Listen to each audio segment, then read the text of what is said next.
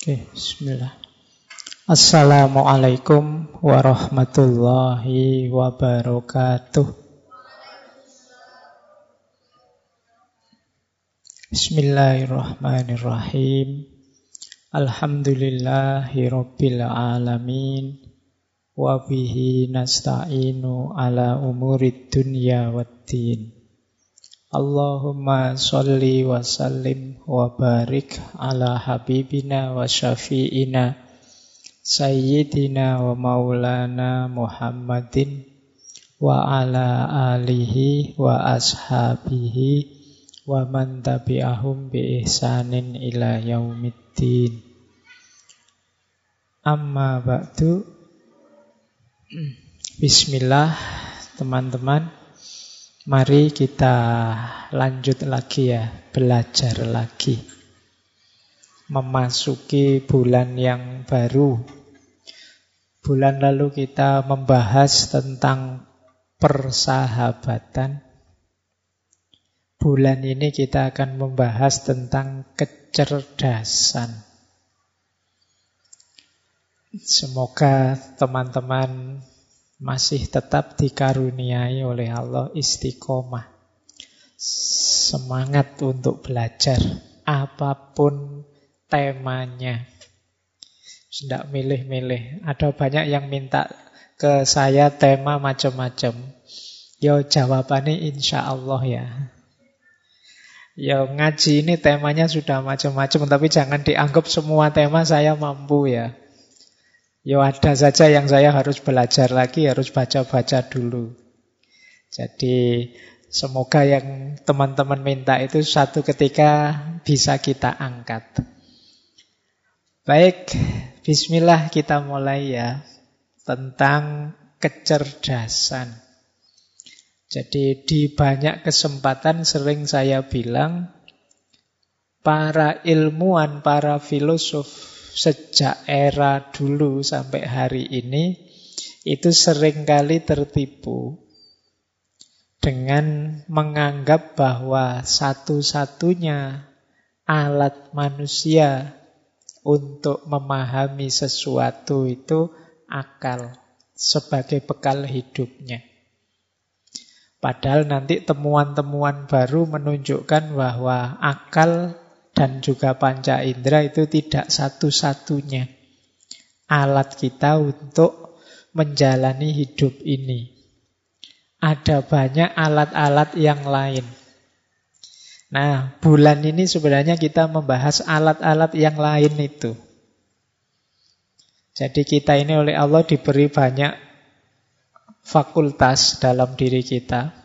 Banyak jalan, banyak alat untuk menjadi bekal hidup kita selain akal yang jarang kita eksplor secara utuh semuanya. Nah, pelan-pelan kita belajar bulan ini meskipun ya ada banyak keterbatasan tapi paling tidak semoga teman-teman nanti tahu.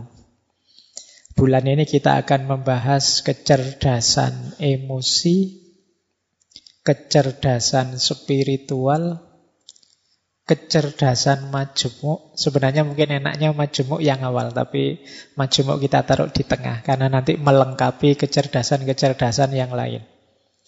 Dan nanti terakhir kita membahas tentang kecerdasan buatan. Ini yang menggelisahkan kita belakangan ini kan kecerdasan buatan ini. Yang kita sendiri yang membuat sebenarnya, tapi kok terus mengancam eksistensi kita sebagai manusia. Peran kita hari ini banyak diambil alih oleh kecerdasan buatan ini. Nah, nanti kita bahas di tema terakhir bulan ini. Baik, bismillah. Kita awali dengan kecerdasan emosi. Uh, saya awali dengan dongeng saja ya, kalian biar senang. Ben yang ngantuk tambah ngantuk. Ada beberapa cerita yang saya suka yang biasanya dipakai orang untuk mengilustrasikan pentingnya emosi dalam hidup. bahwa emosi itu bahkan perannya lebih besar daripada sekedar akal intelektual, IQ. Cerita pertama biasanya cerita tentang yang dipakai untuk menjelaskan kecerdasan emosi ini cerita tentang seorang mahasiswa. Jadi ada cerita seorang mahasiswa yang di barat cerdasnya luar biasa mahasiswa ini mungkin IPK-nya sudah perfect 4. Berarti nilainya A terus. Zaman saya kuliah dulu bahkan ada nilai yang A+. plus. Jadi itu berarti lebih dari A. Nah, mahasiswa ini nilainya perfect terus. Tapi kemudian ada satu peristiwa yang membalik nasibnya. Padahal orang menganggap ini masa depannya mesti cerah ini. Anak ini jenius, pinternya luar biasa. Nah, peristiwa yang membalik nasibnya ini adalah satu ketika ada seorang dosennya yang memberi nilai amin. Jadi dikasih nilai A ya kurang sedikit lah. Kalau teman-teman kan dikasih amin itu sudah sujud syukur. Karena biasanya dapatnya E, dapat B, dapat amin, alhamdulillah mungkin gitu. Tapi karena dia ini selalu dapat A, begitu dapat amin, tidak terima dia. Karena dia nganggap aku ini perfect kok dapat amin, salahku di mana? Kalau hari ini mungkin sudah WA dosennya. Nah, cuma anak ini yo saking marahnya kemudian pulang ambil senjata di rumah balik ke kampus, dosennya ditembak, tewas. Nah, jadi dia sangat cerdas secara IQ, akalnya, tapi secara emosi dia sangat lemah, sangat rendah. Nah, ini cerita pertama. Bagaimana emosi bisa mengubah nasib kita dalam sekejap. Semula orang membangga-banggakan ini masa depannya cerah, tiba-tiba hanya karena nilai amin tadi masa depannya terbalik sekarang. Mungkin urusannya terus penjara, dia di penjara lama. Cerita kedua. Kita ke Cina sekarang. Kalau tadi dari Amerika, dari Barat, kita ke Cina. Ada cerita yang saya ingat dari Jengis Khan.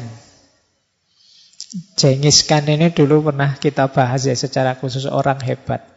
Jengis Khan ini dikenal memelihara burung elang. Ke mana-mana selalu diikuti oleh burung elang peliharaannya. Nah satu ketika dalam perjalanan penaklukan-penaklukan, Jengis Khan ini kehausan. Akhirnya dia mencari sungai untuk minum air. Pas di pinggir sungai, dia melihat, wah ini ada sungai jernih ini. Terus dia mengambil wadahnya, terus ngambil air untuk diminum. Tapi begitu air mau diminum, tiba-tiba elangnya ini menyambar dia, menyambar wadah itu sampai tumpah. Wah marahnya Jengis Khan luar biasa ini Gimana sih ya? Elang sudah dilatih baik-baik sekarang kok malah kayak gini. Mabuk apa ya? Ah, terus ya cuma sabar karena elang kesayangan kan. Ya wis tidak apa-apa lah. Mungkin dia lagi tidak sadar elangnya. Terus dia ngambil lagi. Sampai tiga kali begitu. Elang itu nyamber terus. Jadi sampai air minumnya tumpah terus. Saking jengkel ya, akhirnya wah ini tidak bisa dibiarkan ini melecehkan seorang jengis kan. Jadi akhirnya yang keempat dia ambil air sambil lancang-lancang pegang pedangnya. Begitu benar dia ngambil air, elangnya menyabar, disikat elang itu dengan pedangnya, mental, elangnya tewas, tempat airnya juga mental ke dalam air. Nah, begitu dia dia puaskan, rasain mati kamu. Wong elang aja kok berani-beraninya melawan aku. Begitu dia ngambil tempat minum tadi yang jatuh ke dalam air, dia melihat ternyata di dalam air ada bangkai ular. yang bangkai ular ini beracun. Nah, dia baru sadar ternyata elang tadi ingin menyelamatkannya, bukan ingin mengganggunya. Kalau kalau dia minum air dari tempat tadi bisa keracunan. Jadi ini pelajaran kedua. Bagaimana emosi sering membuat kita salah dalam memutuskan. Ya kayak jengiskan tadi. Ada lagi cerita ketiga. Ini dongeng terus sampai jam 10. Biar kalian ngantuk. Cerita ketiga dari Jepang. Kita muter keliling dunia ya. Ada cerita seorang samurai. Samurai ini satu ketika mendengar di satu tempat ada seorang guru yang pinternya luar biasa, wawasannya luas sekali. Nah, samurai ini satu ketika penasaran, aku ingin ngetes guru ini. Pinter bener enggak sih seperti katanya orang-orang? Nah, datanglah samurai ini ke tempatnya guru tadi. Begitu ketemu guru dia ngetes, tanya, wahai guru, sampean kan orang pinter, dikenal orang bijaksana. Kalau memang pinter, coba jawab pertanyaan saya. Apa itu surga, apa itu neraka? Nah, terus guru ini terus ngomongnya malah nyelekit. Ah, kalau orang seperti kamu, levelmu ini tidak pantas saya menjelaskan macam-macam kamu preman aja ke orang gitu. Ah, terus ngomong gitu, wah marah ini samurai. Dia melotot marah-marah. Katanya kamu orang pinter, orang bijaksana. Masa saya tanya gitu aja, jawabanmu nyelekit. Wah dia marah, panas. Terus kata gurunya, nah ini namanya neraka. Wah kan Takjub dia dengan jawaban guru tadi. Oh, iya ya, oh, berarti marah, terus tidak terkontrol. Ini namanya neraka, luar biasa. Baru sadar ini memang orang pinter tenang. Wah terima kasih guru, saya baru percaya kalau sampean orang pinter. Terus kata gurunya lagi, nah kalau ini namanya surga. Jadi ini surga, ini neraka. Jadi surga neraka kita berhubungan dengan emosi yang kita rasakan. Pelajaran ketiga dari cerita. Cerita keempat. Tidak apa-apa ya. Terakhir wes tidak apa-apa. Biar kalian nunggu-nunggu teorinya tidak ketemu-ketemu. Kita ke Arab, ke Madinah. Cerita tentang Sayyidina Abu Bakar. Sahabatnya Rasulullah. Jadi satu ketika beliau ini sedang ngobrol-ngobrol bersama Rasulullah di depan masjid. Tiba-tiba datang beberapa orang yang rupanya benci Abu Bakar. Ah, mendekat ke Abu Bakar terus orang ini maki-maki.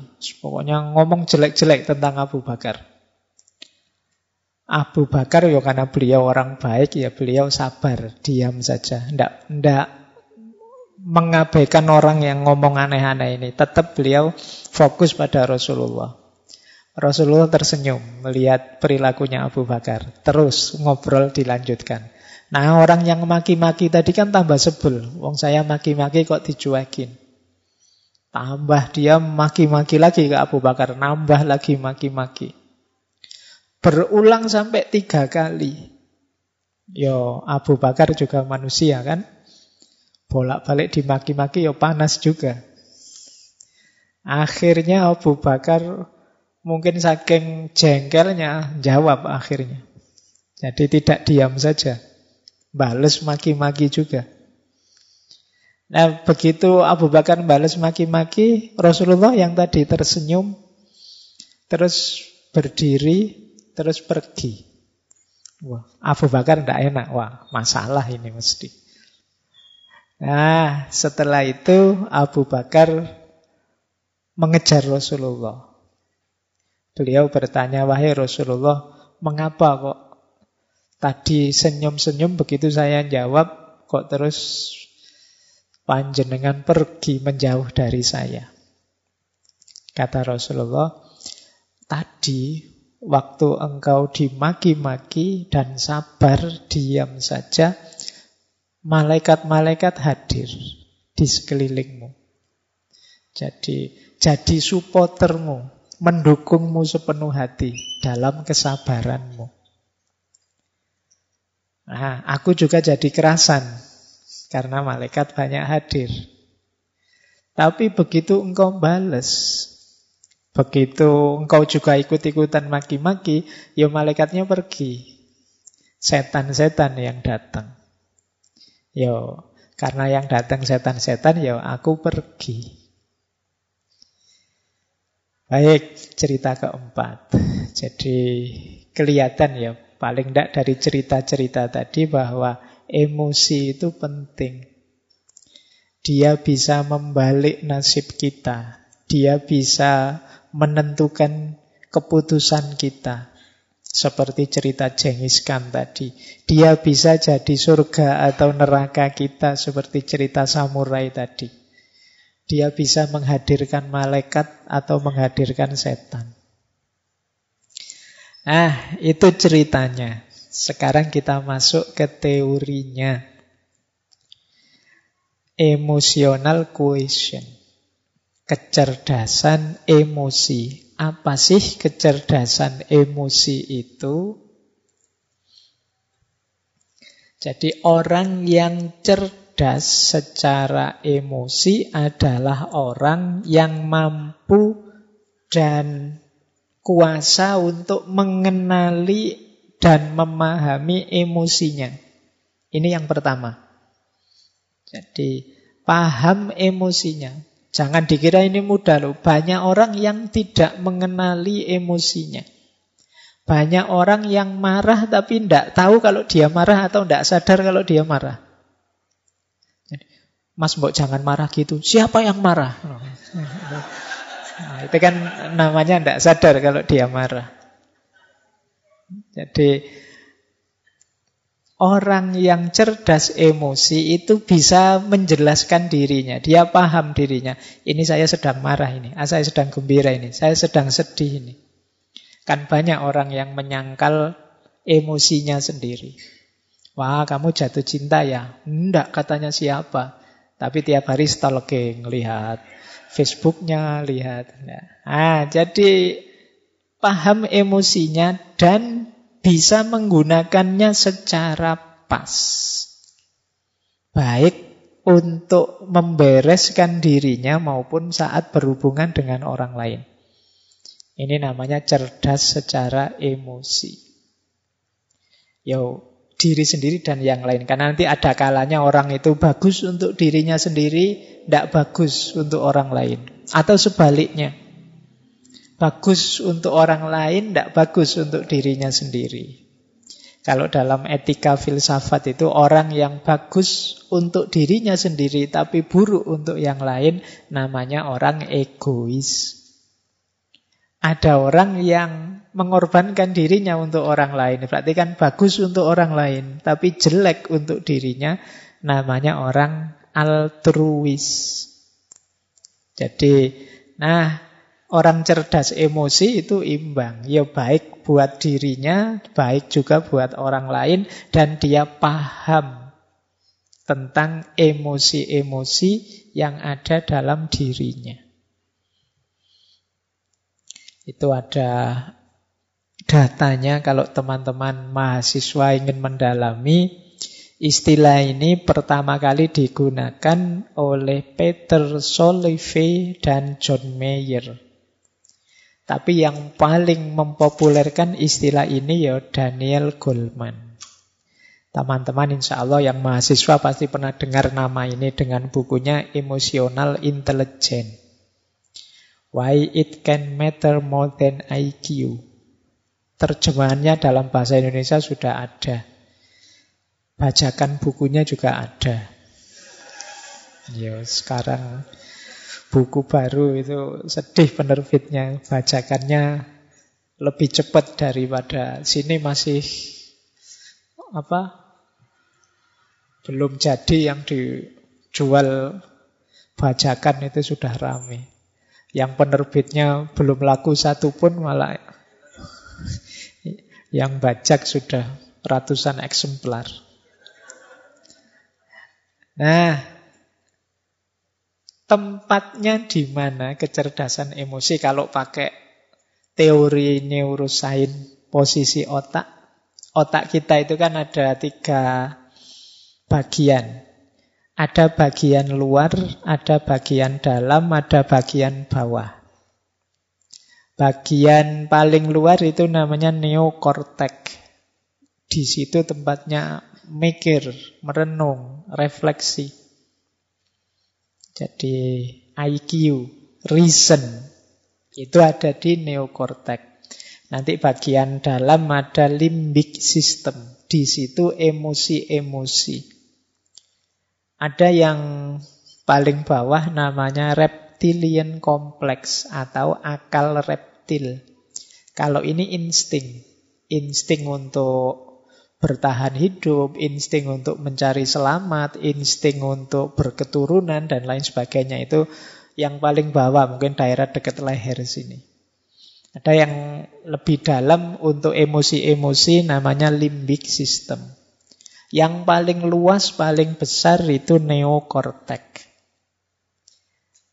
Nah, kecerdasan emosi itu ya ketika aspek reason ketemu dengan aspek emosi. Jadi kecerdasan emosional itu mudahnya bagaimana kita mengelola emosi kita secara rasional. Jadi dia adalah persilangan antara reason dan emotion. Jadi berarti ya reasonnya juga dipakai dalam rangka mengendalikan emosi. Makanya ada yang bilang kecerdasan emosi itu dari subconscious menuju conscious. Dari bawah sadar menuju sadar. Jadi emosi bawah sadar itu kan emosi yang otomatis keluar dari diri kita. Ini kalau tidak dikendalikan oleh reason, oleh unsur neokortek tadi ya kadang-kadang meleset tadi. Seperti jengiskan tadi dia karena tidak mikir dulu ini kenapa sih elang ini yang biasanya patuh, biasanya jadi pembantu kok malah ngerusak ada unsur apa yang dia mendahulukan subconsciousnya, dorongan dalam diri, dorongan kemarahannya, yuk, akhirnya menemukan kemalangan karena dia tidak berpikir panjang. Jadi kecerdasan emosi itu bagaimana dorongan bawah sadar kita kendalikan secara sadar.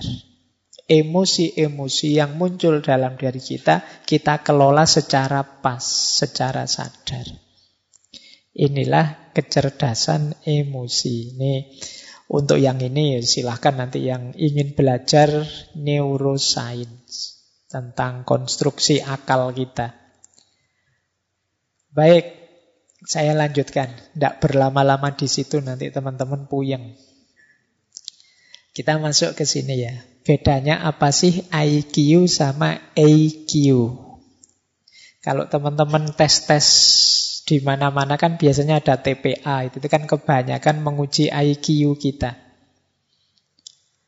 Kalau IQ ya titik beratnya pada logika, analisis, dan relatif permanen. Jadi tingkat kecerdasan kalau aspek IQ ini relatif, makanya ketika diukur bisa, oh IQ-nya sekian, IQ-nya sekian. Itu bisa karena relatif permanen. Nah, beda dengan emotional question. Beda dengan kecerdasan emosi. Kalau kecerdasan emosi ini tidak paket, tidak harga mati. Dia bisa dipelajari, bisa dikembangkan. Jadi, Pak, saya emosinya sudah terlanjur pemarah ya Pak. Ya sudah berarti saya sudah kayak gini. Tidak. Tidak ada paket jadi kalau emosi. Dia bisa dibiasakan. Saya orangnya memang cengenges-cengenges gini oh Pak, ya sudah paket dari sana misalnya. Tidak, tidak ada paket kalau emosi. Kalian bisa jadi orang pemarah, bisa jadi orang penyabar kalau mau. Ya kalau tidak mau ya terkecuali. Tapi kalau mau pasti bisa. Pak saya itu tidak telaten yang gitu-gitu. Kalau mau pasti bisa. Telaten itu bisa dilatih. Jadi kalau urusan emosi bisa kita kendalikan dan jangan khawatir kalau katanya Goldman malah bisa lebih 80% kesuksesan hidup itu ditentukan oleh emotional quotient. Kecerdasan emosi. IQ hanya sekitar 4%. Nah, jadi ini bedanya IQ dan EQ. Emosi dianggap jauh lebih penting. Meskipun di situ saya tulis 40%. Karena dari banyak buku itu macam-macam. Yang sangat senang yang menyebutnya 80 ke atas. Tapi ada yang 40, ada yang 60. Ya kita ambil 40 lah ya. Tapi itu kan sudah besar. Jadi 40% dari hidup itu sudah luar biasa karena nanti ada masih ada spiritual, masih ada multiple apa question yang itu membuat 40 itu sudah sangat besar. Belum nanti minggu depan kita ketemu spiritual. Jadi emosi penting dibandingkan kadar kepintaran kita. Ya seperti tadi ada anak yang pinternya luar biasa tapi hidupnya terbalik dalam satu seketika ketika salah mengambil keputusan dipengaruhi oleh emosi. Kadang-kadang kan kita waktu terpengaruh emosi melakukan sesuatu dan kita sesali selamanya. Kenapa emosi ini penting? Nah, ini asumsi-asumsinya. Jadi asumsi itu dasar berpikirnya. Kenapa kok terus ada kecerdasan emosi?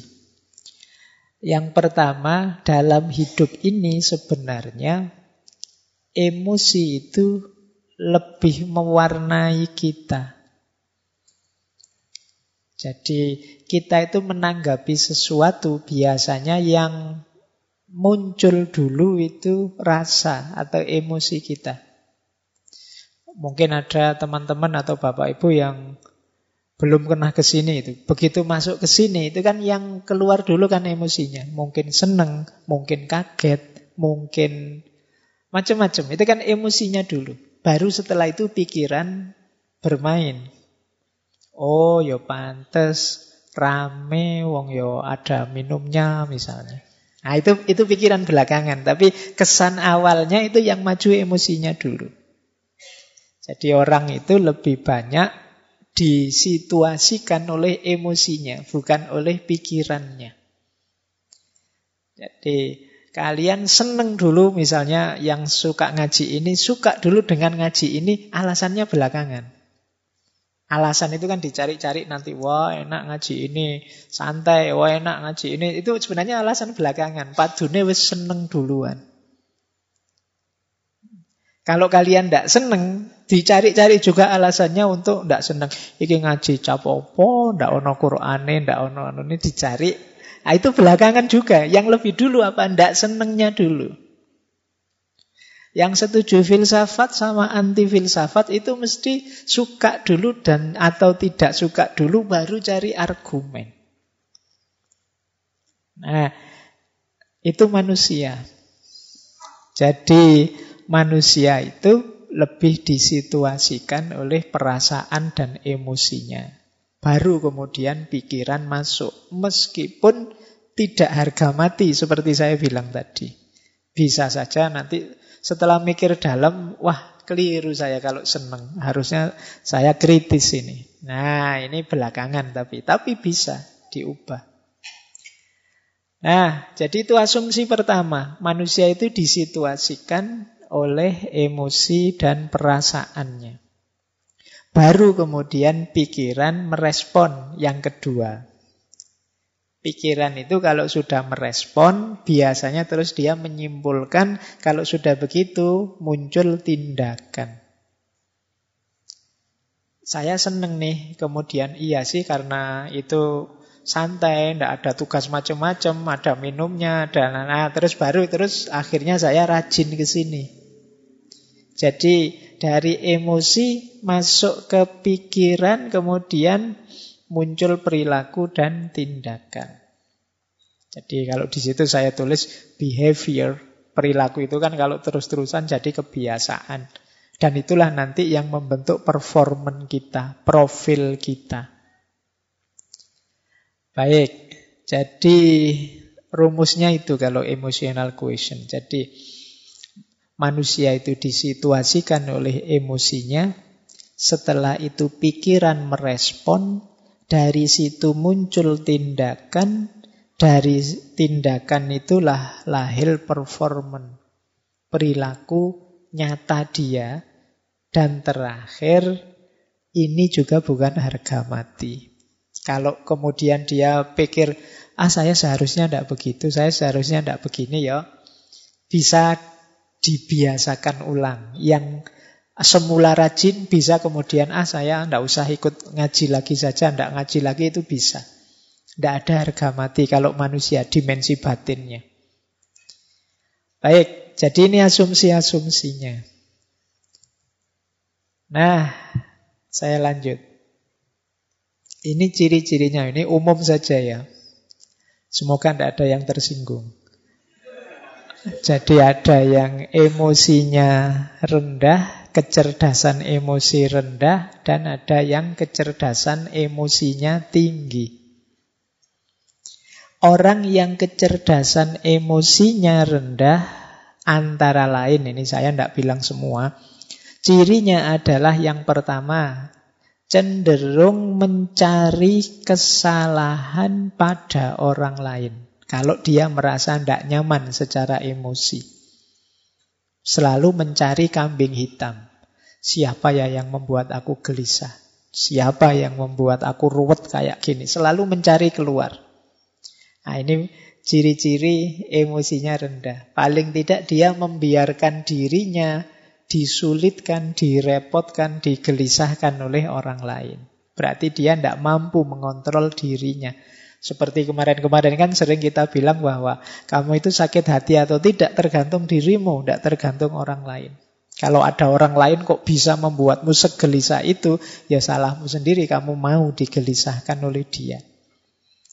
Nah, jadi cenderung menyalahkan orang lain.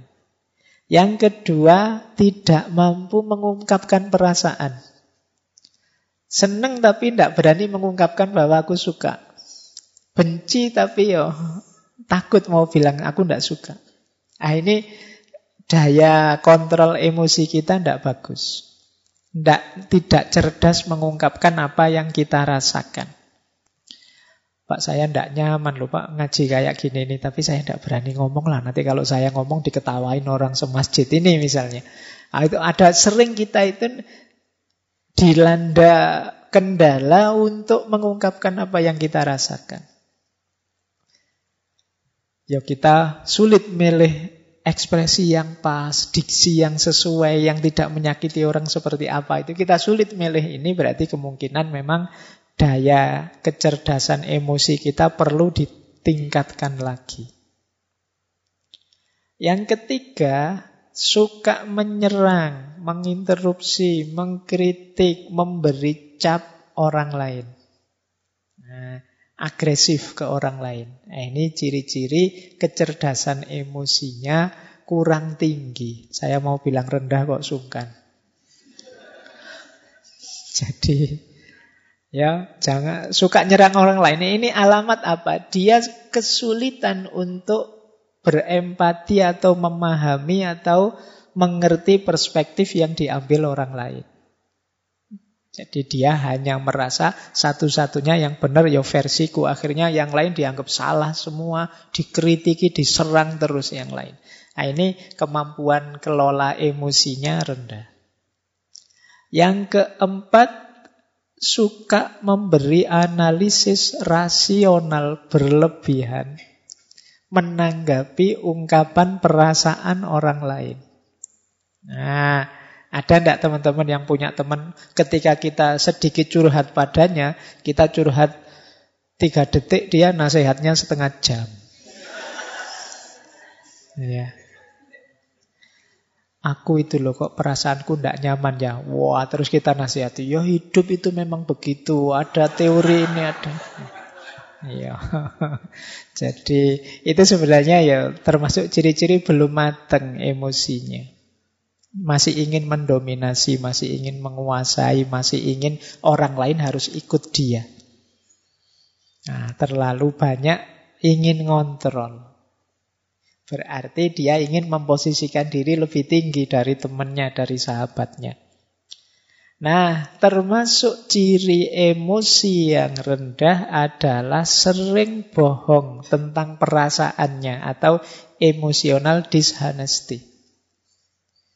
Ini sama seperti tadi. Kalau tadi tidak mampu mengungkapkan, kalau ini bohong. Mungkin demi citra, mungkin demi orang lain senang, mungkin demi demi macam-macam. Tapi intinya dia bohong. Padahal itu merugikan dirinya, bisa juga merugikan orang lain. Karena orang lain jadi sulit memposisikan diri di hadapan kita. Suka enggak kamu kalau saya gayanya begini? Sebenarnya enggak suka, tapi bilang, wah suka sekali saya pak. Meskipun nanti kalau saya enggak ada, diam-diam, itu loh Pak Faiz ngomong ngopo sejak tadi misalnya. Nah, ini namanya emotional dishonesty. Jadi ketidakjujuran emosional. Ini kalau orang-orang dekat kita, kalau kita tahu mereka tidak jujur kan menyakitkan. Jadi tidak hanya merugikan diri sendiri, tapi merugikan orang lain juga. Karena kita jadi sulit memposisikan diri di hadapan dia, wong dia tidak jujur.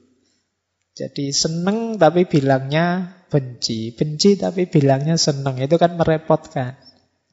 Jadi, ya mbok kalau senang bilang saja senang. Meskipun saya senang sih, tapi ya kamu tidak usah terbebani lah, wong cuma saya saja. Kok kan tidak masalah. Yang penting kamu jujur. Nah, biasanya juga orang yang emosional quotientnya rendah itu adalah pendengar yang jelek. Tidak betah dia mendengarkan. Suka interupsi, suka debat. Tidak mampu menunggu orang sampai tuntas bicara. Di tengah jalan selalu menyela. Nah ini kemampuan kontrol dirinya rendah. Mungkin kadang kalau debat itu kan sering saling nyamber itu. Mungkin dia khawatir kalau ini teman lawan bicaraku selesai ngomong, jangan-jangan sulit aku bantahnya. Akhirnya dicegati tengah jalan. Nah, ini pendengar yang jelek. Berarti debatnya memang nyari menang kalah, bukan mencari yang benar. Maka yuk latihan. Terus melebih-lebihkan atau meminim, mengecil-ngecilkan yang dirasakan.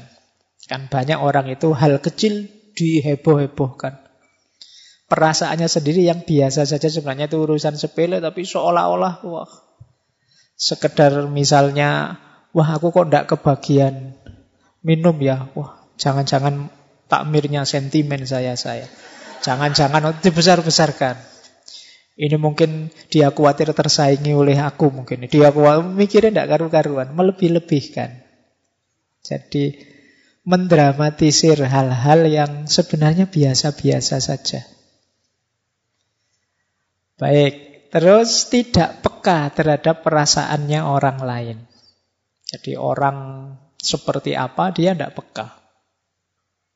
Jadi ngertinya ya perasaanku saja. Dia marah-marah kalau orang tidak mengerti dirinya, tapi dia tidak mau mengerti orang lain.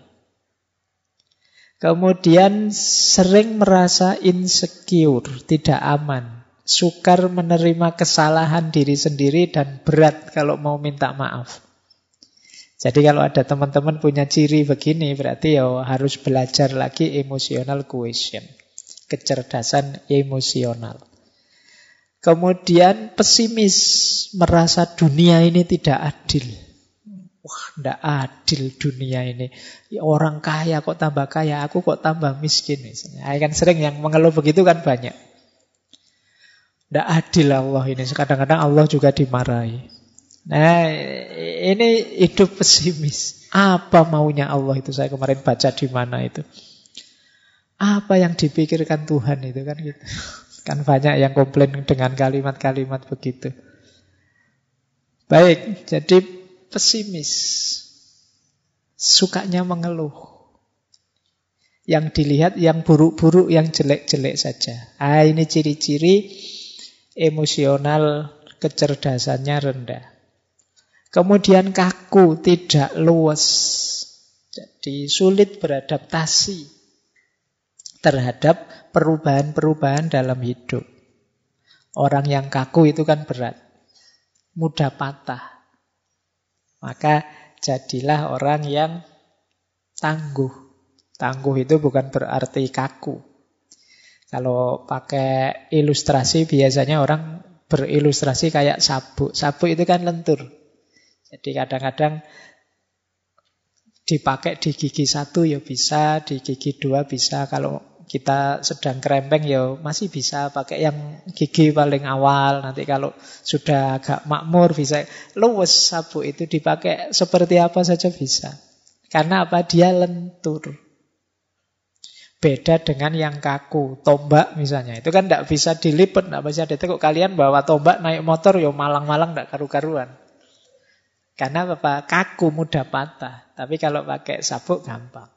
Nah, itu maka orang-orang yang emosinya tidak bagus, cara pengendaliannya ya dia biasanya kaku. Sulit sekali dinego. Sulit sekali dilembutkan. Terus biasanya kemudian jadinya tidak harmonis dengan orang, lebih harmonis dengan yang bukan manusia. Iya. Dengan koleksinya, dengan binatang kesayangannya. Sampai kemarin ada yang menikah sama kambing itu ya. Mungkin dia sudah putus asa dengan manusia itu dia. Jadi kenapa ada orang putus asa dengan orang lain? Karena dia sendiri sulit membangun relasi yang harmonis dengan orang lain. Dia menyangkal fakta bahwa kita ini makhluk sosial yang tidak bisa hidup sendiri. Nah, jadi itu di antara ciri kalau ada orang kok lebih sayang dengan motornya, dengan mobilnya daripada keluarganya, anaknya, istrinya, itu kemungkinan ada masalah dalam relasi. Terus puas kalau bisa menghina orang lain, mengalahkan orang lain. Kadang-kadang dibela-belain dengan bikin hoax, bikin kebohongan. Yang penting musuhku kalah. Nah ini berarti orang yang lemah secara emosi. Kebalikannya kalau orang yang kecerdasan emosinya tinggi itu ya kebalikan ciri-ciri tadi. Dia tidak takut mengungkapkan apa yang dirasakan. Kalau iya bilang iya, kalau tidak bilang tidak. Kemudian tidak didominasi oleh perasaannya. Orang bisa takut manusiawi tapi jangan didominasi oleh rasa takut. Orang bisa kecewa, ya wong manusiawi, tapi yo jangan terus hidupmu hancur gara-gara satu kekecewaan kecil. Jadi tidak didominasi oleh perasaan. Kemudian mampu membaca isyarat-isyarat tidak hanya kata-kata. Ini hubungannya dengan kepekaan tadi.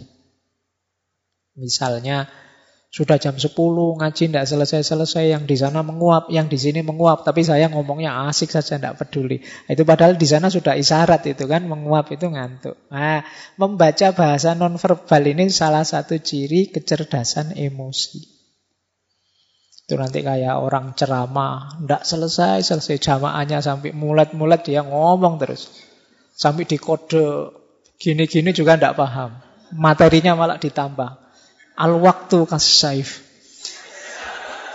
Waktu memang penting. Ini sudah diminta selesai, tidak paham. Ini komunikasi nonverbal namanya.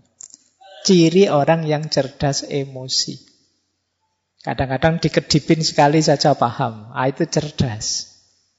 Kita mengangguk atau menggeleng sebentar, dia paham. Itu cerdas secara emosi. Banyak orang yang tidak peka dengan yang begitu-begitu. Nah, kemudian orang yang cerdas emosi itu melakukan segala sesuatu karena dirinya sendiri. Tidak tergantung atau mudah terpengaruh oleh segala yang di luar dirinya. Jadi dia bisa memotivasi dirinya. Hari ini kan banyak orang untuk motivasi saja mahal-mahal ngundang motivator. Biar saya ndak males Pak. Oh ndak males saja kok males. Tinggal kamu ndak males kan selesai. Tapi kan kita menghabiskan biaya banyak untuk memotivasi diri kita. Loh, orang yang cerdas emosi itu mampu memotivasi dirinya. Kemudian kebalikannya orang yang rendah emosinya, dia optimis, orang yang cerdas emosi itu. Kemudian nyaman kalau membicarakan perasaannya, tidak malu-malu. Kemudian tidak kalah oleh emosinya seperti tadi. Nah, mampu merenungi dirinya, mampu muhasabah kalau bahasa agama.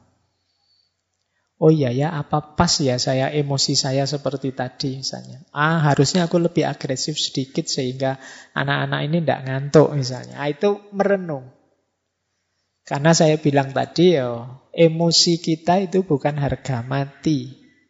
Tidak seperti IQ. Jadi tergantung kita ingin dibentuk seperti apa.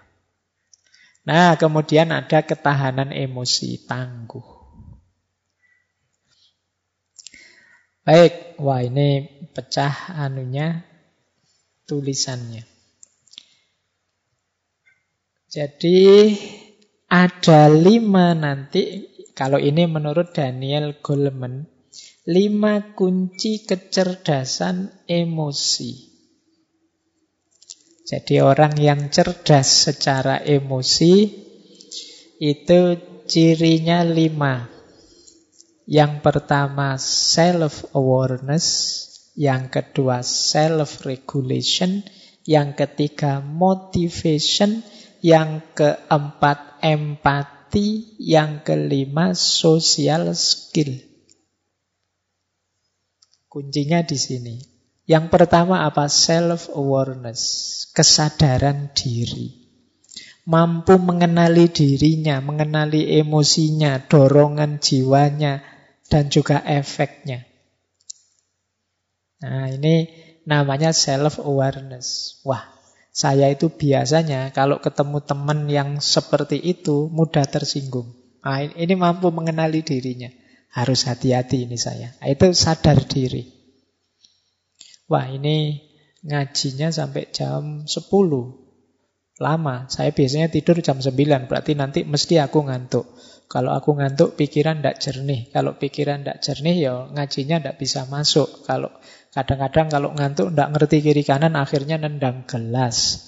Kemudian, nah, ini self awareness, sadar diri. Jadi ngerti emosi-emosi yang bermain dalam dirinya. Dia bisa memprediksi kalau situasinya begini, nanti aku mesti begini. Kalau kondisinya begini, nanti aku mesti begitu. Ini orang yang sadar emosi. Yo, kalau tidak sadar emosi gimana kita ngontrolnya?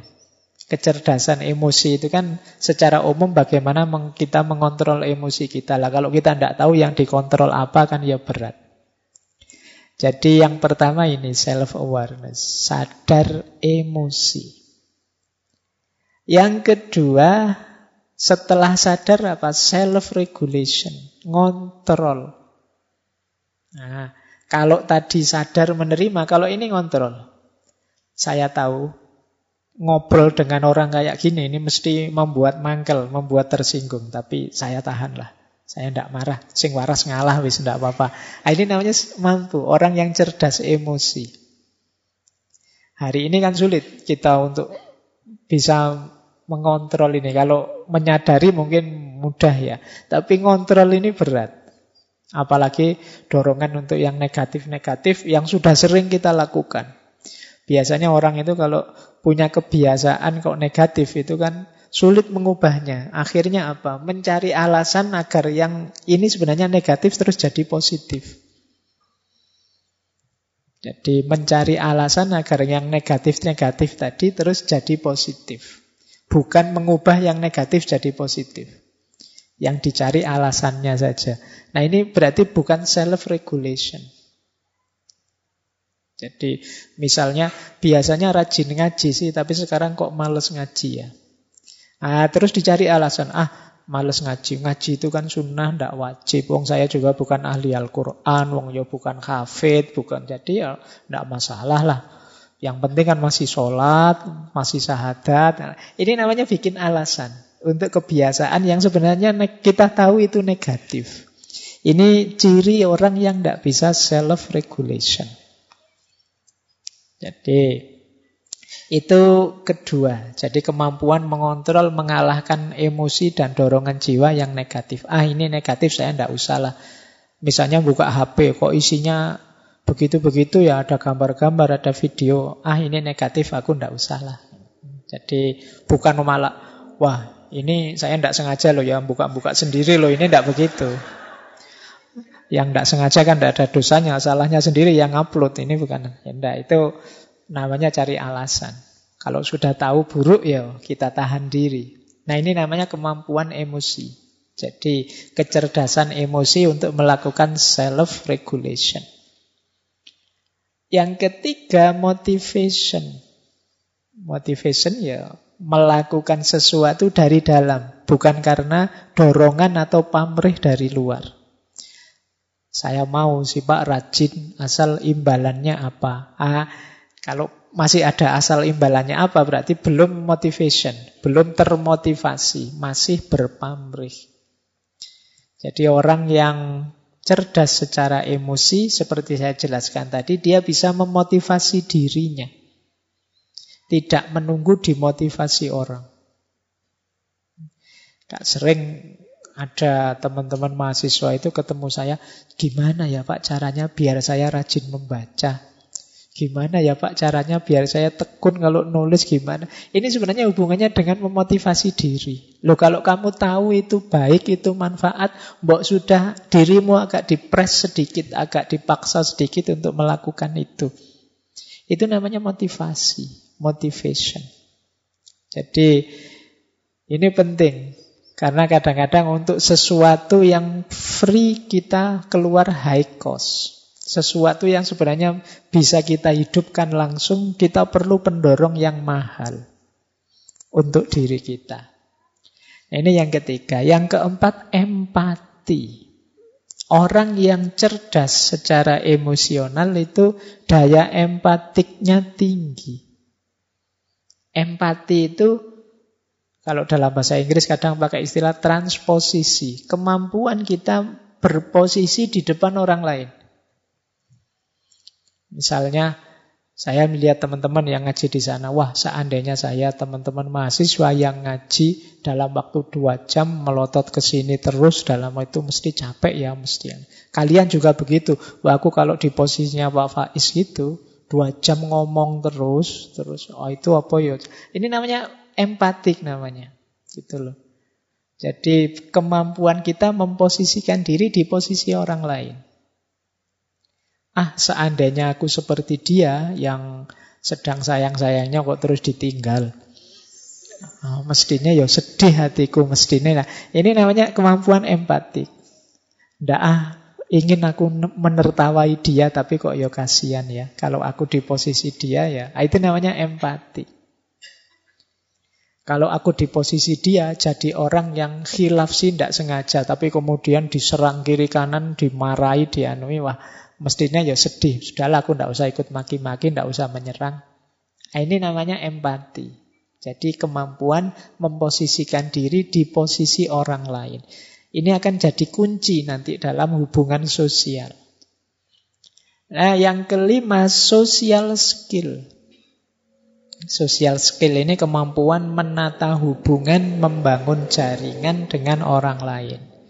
Jadi orang yang mudah bergaul, enak bergaul, gampang diterima di mana-mana, itu namanya social skill.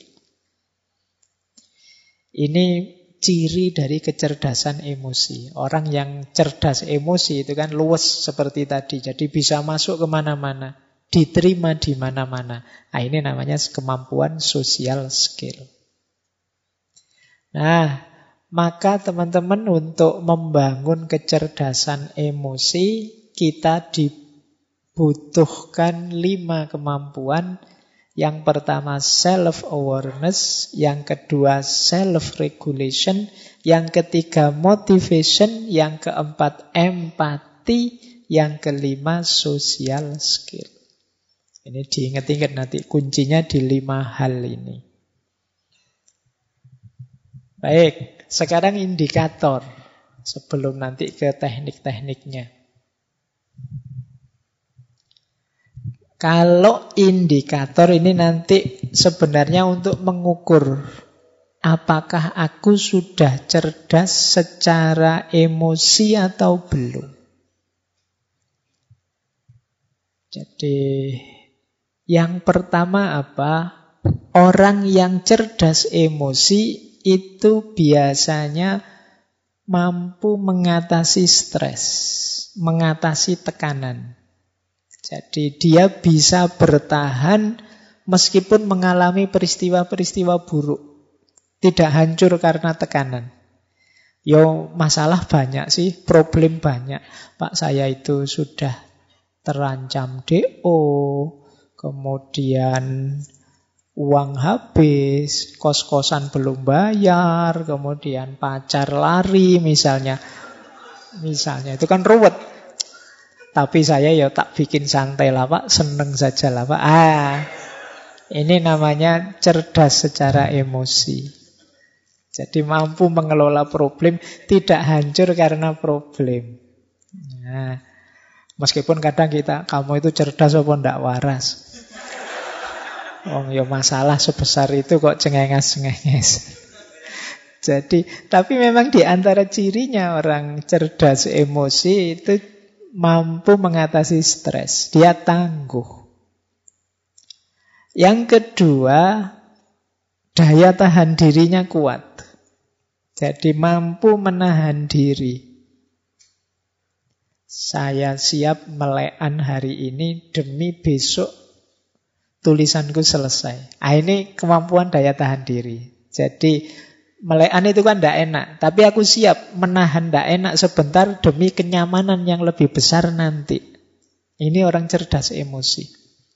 Sudahlah, saya tahan saja dimarah-marahi dosen, yang penting nanti ditanda tangani lah. Ah, ini lumayan emosimu, cerdas secara emosi. Paling nanti dosennya lah ya bosen-bosen sendiri sama saya.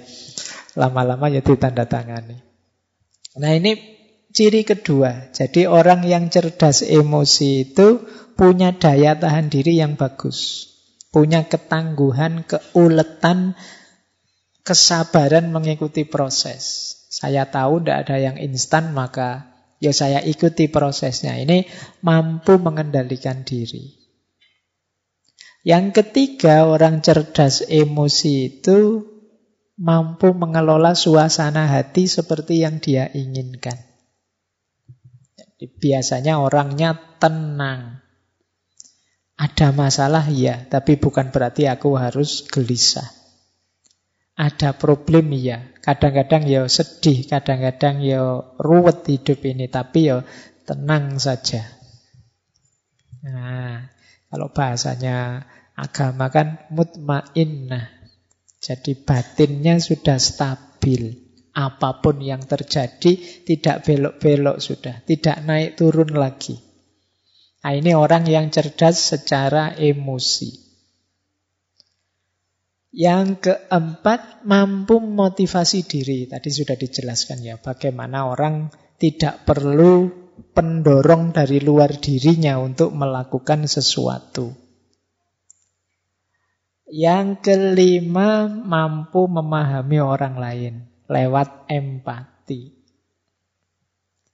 Dan yang keenam, mampu bergaul dengan baik.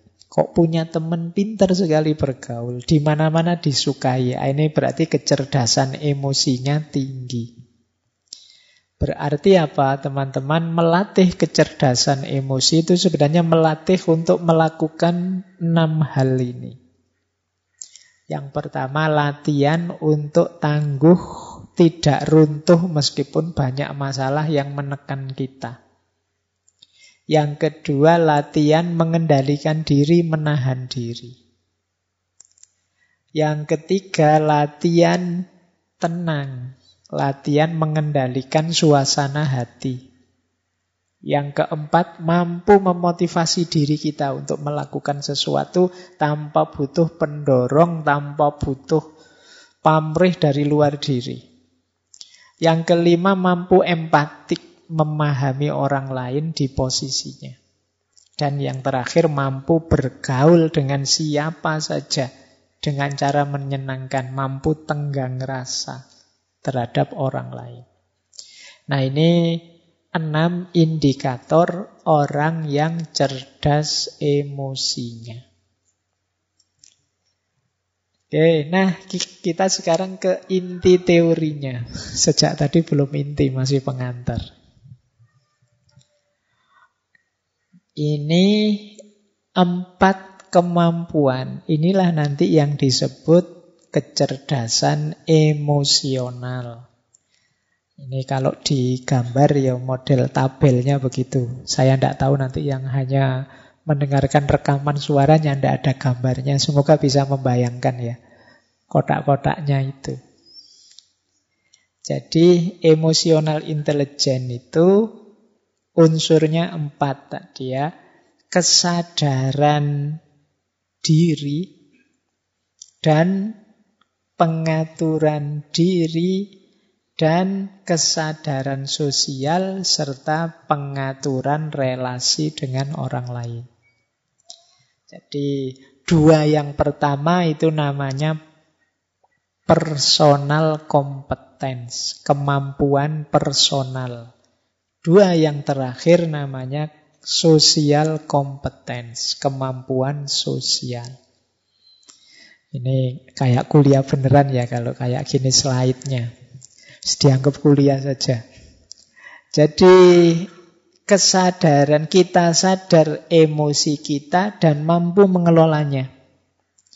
Kita sadar sebagai makhluk sosial dan mampu mengelolanya. Sebenarnya kuncinya itu yang disebut kompetensi personal dan kompetensi so, uh, sosial. Yang sadar itu namanya what I see, apa yang harus aku lihat, apa yang harus aku penuhi. Kalau yang pengaturan-pengaturan itu what I do, apa yang harus aku lakukan. Jadi yang disadari dan yang dilakukan baik sehubungan dengan diri kita sebagai pribadi maupun diri kita sebagai makhluk sosial. Sederhananya itu sebenarnya. Kecerdasan emosi itu. Nah, sekarang kita gali satu demi satu. Kesadaran diri itu cirinya empat. Yang pertama tadi ya, mampu mengenali emosi dalam diri kita. Saya itu rasanya sekarang kayak gimana sih? Itu bisa. Saya pak rasanya capek pak, bosen pak, uh, lelah pak, jenuh pak, dan lain sebagainya. Ini mampu mengenali emosi. Terus menerima diri apa adanya. Kan sulit kadang orang itu susah menerima dirinya. Menganggapnya dirinya baik terus. Tidak sadar kadang-kadang ya banyak jelek-jeleknya. Jadi tahu dan menerima. Saya baru sadar misalnya loh, saya kalau ngaji kok ngadep sana terus ya, tidak pernah ngadep sini ya. Ah, jangan-jangan ada yang tidak beres ini di emosinya. Misalnya ada dorongan-dorongan tidak sadar ngadep sana misalnya. Nah ini diterima dulu, iya ya. Mestinya ya ndak begitu, mestinya ya ngadep ke sana juga, ngadep teman-teman cowok-cowok yang di sana, kok saya ngadep sini terus ya misalnya. Nah, dan itu bukan harga mati, berarti kan besok ngajinya ngadep sana juga lah, ndak ngadep sini. Tapi diterima dulu. Kalau orang denial menyangkal, ndak ah, kebetulan saja ngadep sini. Nah, biasanya juga ndak begitu. Misalnya menyangkal, kalau menyangkal ndak ada perbaikan. Terimalah bahwa kita itu memang bisa keliru, bisa salah, bisa tidak pas, emosi kita bisa meleset untuk selanjutnya diperbaiki. Termasuk self-awareness itu percaya diri. Nah, cuma percaya diri sesuai kenyataan diri kita. Hari ini kan banyak orang itu me, apa, memotivasi kita. Pokoknya kamu bisa deh, kamu bisa deh. Ya, tapi yo harus sadar kenyataan juga. Misalnya, wah saya pengen 2024 tak nyalon presiden ya. Wah terus Bisa pak, bisa pak. Yo. Iya, kamu tidak realistis namanya. Percaya diri ya, tapi sadar kenyataan juga. Ini lebih sehat untuk emosi kita. Kemudian yang terakhir mampu menertawakan diri. Ini menarik. Menertawakan diri itu berarti apa? Aku menerima bahwa aku ini banyak kekurangan juga. Ada salah, ada khilafnya juga. Meskipun aku ya tidak putus asa. Jadi ini kan terus menertawakan diri. Ah, bodoh banget yo aku ini. Ah, gitu. Saya sering kalau mahasiswa itu di kelas diperintah apa tidak bisa itu malah ketawa. Harusnya kan sedih, dia malah ketawa. Tidak bisa ya Pak, tidak mampu ya Pak. Kan sering begitu. Jadi, kamu sudah baca belum? Belum baca ya Pak. Terus ketawa. Tidak apa-apa loh. Anggap saja itu menertawakan dirimu. Kadang-kadang kan aku heran loh, kamu ketawa yang diketawain siapa? Oh mungkin dirinya sendiri bahwa betapa konyolnya aku, betapa tidak bertanggung jawabnya aku. Tidak masalah, jadi salah tidak membawa putus asa, tapi membawa penertawaan diri bahwa ah, aku ini memang belum baik, aku ini memang belum bagus, saatnya untuk diperbaiki. Nah ini ciri-ciri orang sadar diri. Nah, strateginya apa untuk membangun kesadaran diri? Yang pertama, Ayo merenungi nilai-nilai hidup. Kesadaran diri itu selalu gandeng, selalu bersama dengan nilai-nilai hidup. Orang bisa memvalue dirinya itu kan dasarnya nilai yang dia pegangi. Aku kok marah, padahal harusnya aku ini penyabar loh. Dalam hidup ini yang lebih utama itu sabar. Lo sabar itu nilai yang kita yakini utama. Sehingga ketika kita marah berarti kita keluar dari nilai yang kita yakini. Loh aku kok ngamuan padahal aku ini orang Islam. Katanya Islam itu rahmatan lil alamin, cinta damai. Berarti meleset yang aku lakukan ini. Loh, itu kesadarannya muncul karena kita sadar nilai. Yo, nilai ini jadi standarnya. Kalau kita tidak punya standar, ya kita tidak tahu sudah meleset apa belum. Yang kedua, untuk sadar diri, mari sering-sering mengamati efek dari emosi yang kita ungkapkan. Saya marah-marah tadi loh, kira-kira ada baiknya ndak sih? Aku maki-maki tadi kira-kira positifnya apa ya? Coba sekali-sekali teman-teman melakukan itu. Apa sekedar kelegaan perasaan saja? Tidakkah itu menyakiti orang lain? Tidakkah itu menambah masalah saja? Tidakkah itu memutus silaturahim persaudaraan? Nah, ini namanya memperhatikan efek dari emosi. Kita itu sering demi kelegaan sesaat mengorbankan nilai-nilai yang jauh lebih tinggi, lebih besar. Ini berarti kita belum cerdas secara emosi. Ah biarlah aku menahan diri meskipun dia maki-maki aku seperti itu. Asal kita tetap bersaudara, ndak apa-apalah. Ini kan ndak enak, tapi demi nilai yang lebih tinggi, kepentingan yang lebih besar. Kemudian penting juga kita pahami apa atau siapa yang bisa menekan tombol. Ini istilahnya menekan tombol. Ah, ini ada teman kalau ngomong nyelekit. Ketemu yang kayak gini ini biasanya aku mudah terpancing marah. Jadi kita waspada. Awas ini, ini anak cerewet yang tadi ini. Ini nah, itu kita tahu dia yang bisa menekan tombol kita. Atau bukan orang tapi peristiwa atau apa pun itu. Jadi kita terus waspada, ngerti. Ini yang bisa mancing aku jadi meleset ini. Ini yang bisa mengarahkanku jadi kacau ini. Kemudian cari feedback yang bagus. Ya manusia itu ada keterbatasannya termasuk ketika kita membaca diri kita sendiri. Seringkali tidak objektif. Yang jelek kita anggap baik dan lain sebagainya. Maka pendapat orang, komentar orang perlu kita cari juga. Jangan-jangan kita merasa ngomongnya sudah baik ternyata menyakiti orang. Nah, ini namanya feedback. Untuk dapat feedback yang baik, kita perlu teman yang dipercaya. Cari teman yang bisa dipercaya. Kemudian tetapkan tujuan. Saya harus lebih baik. Saya harus lebih sabar. Saya harus lebih pemaaf. Saya harus lebih santun ngomongnya. Ini namanya ada tujuan. Biasanya orang itu kalau ada tujuan lebih mudah untuk diwujudkan. Kemudian yang terakhir, jangan menunggu atau menunda. Nah, jangan. Iya Pak, yang disampaikan Pak Faiz itu menurut saya penting, bagus. Tapi ya besok lah Pak, masalah. Nah, itu namanya nunggu-nunda. Ada banyak hal yang kita tunda-tunda terus. Mungkin kalau kebaikan yang kita ketahui sudah kita jalankan semua, itu kita sudah bisa jadi superhero harusnya. Tapi kan sebagian besar kita tunda. Mau bantu orang kah besok saja. Mau belajar ah nanti saja kalau sudah. Akhirnya ya banyak yang keteteran. Kita tidak jadi cerdas secara emosi karena ditunda terus. Kemudian manajemen, self management, menata diri. Kalau sudah mengenali diri, sekarang menata diri.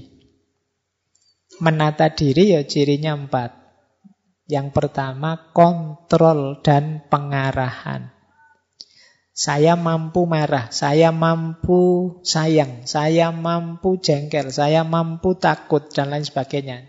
Cuma menggunakannya pas, itu namanya mampu ngontrol. Kemudian ciri orang yang bisa self-management itu berpikir sebelum bertindak. Mikir dulu, jangan pukul dulu, mikir belakangan. Dibalik, jadi dipikir dulu, apa pun yang mau dilakukan coba dipikir dulu. Itu namanya kemampuan self-management. Berintegritas dapat dipercaya. Jadi orang yang teguh pada prinsip, pada nilai, pada pendiriannya. Ini namanya orang yang berintegritas. Dan dia dapat dipercaya. Jangan takut dengan saya, saya jujur kok. Saya kalau disuruh jaga rahasia, ya saya jaga beneran. Nah, ini namanya berintegritas. Kemudian mampu beradaptasi menghadapi keragaman. Seperti tadi ya, seperti sabuk. Tadi kita lentur menghadapi perubahan-perubahan situasi. Ini ciri orang yang self-management, mampu menata diri. Strateginya empat untuk memudahkan self-management. Yang pertama apa? Kendalikan self-talk. Self-talk itu fonis kita, penilaian kita, apa rayuan kita pada diri kita sendiri itu self-talk. Jangan sering-sering bilang, aku kok begitu ya, dasar bodoh, bodoh. Nah, ini self-talk. Nganggap dirinya sendiri bodoh. Jadi, bicaralah yang baik-baik terhadap dirimu. Karena itu akan jadi mantra yang membentukmu. Jadi kalau teman-teman membaca diri, aku masih bisa lebih baik daripada bilang pada dirimu, aku ini orangnya jelek. Nah, jadi ini penting self-talk ini. Kita itu sering mensugesti diri kita secara negatif. Dan biasanya ya ke situ nanti diri kita terbentuk. Ah, siapa sih saya ini Pak? Saya itu hanya remah-remah. Iya, kan sering kemarin anak-anak bilang begitu. Ya kamu akan jadi remah-remah beneran. Akan lebih positif ya masih banyak hal yang belum saya mampu Pak, tapi insya Allah tidak lama lagi yang ingin saya bisa akan saya kuasai. Nah, itu kan lebih positif, membuatmu bersemangat untuk berjuang. Jadi kendalikan self-talk. Kemudian hitung sampai 10. Ini sebenarnya ada gium. Jadi hitung sampai 10 itu kalau mau melakukan apa-apa dipikir dulu.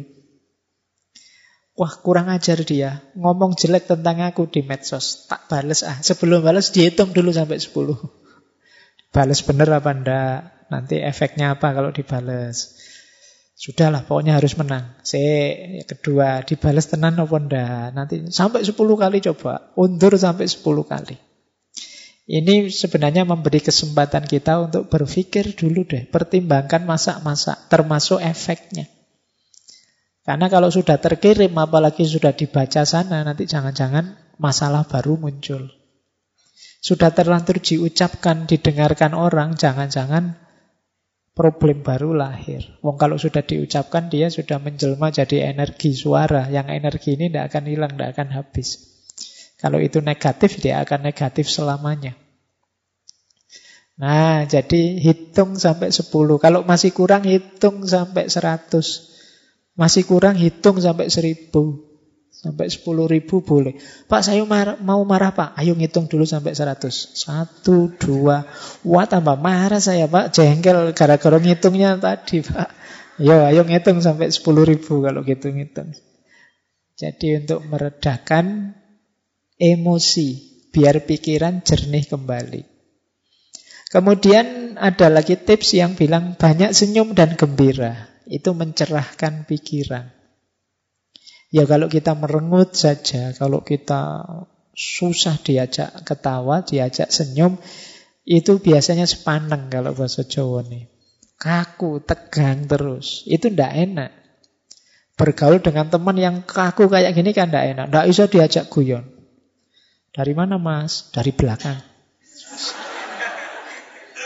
Kan sulit, ndak enak. Mau ke mana? Mau ke depan. Tidak bisa diajak guyon. Baik, ya hidup ya sekali-sekali ada sendaguronya. Butuh dalam rangka apa? Biar pikiran jernih. Kok jalan kaki saja mas? Emangnya mau ngerangkak apa? Marah terus ikutannya.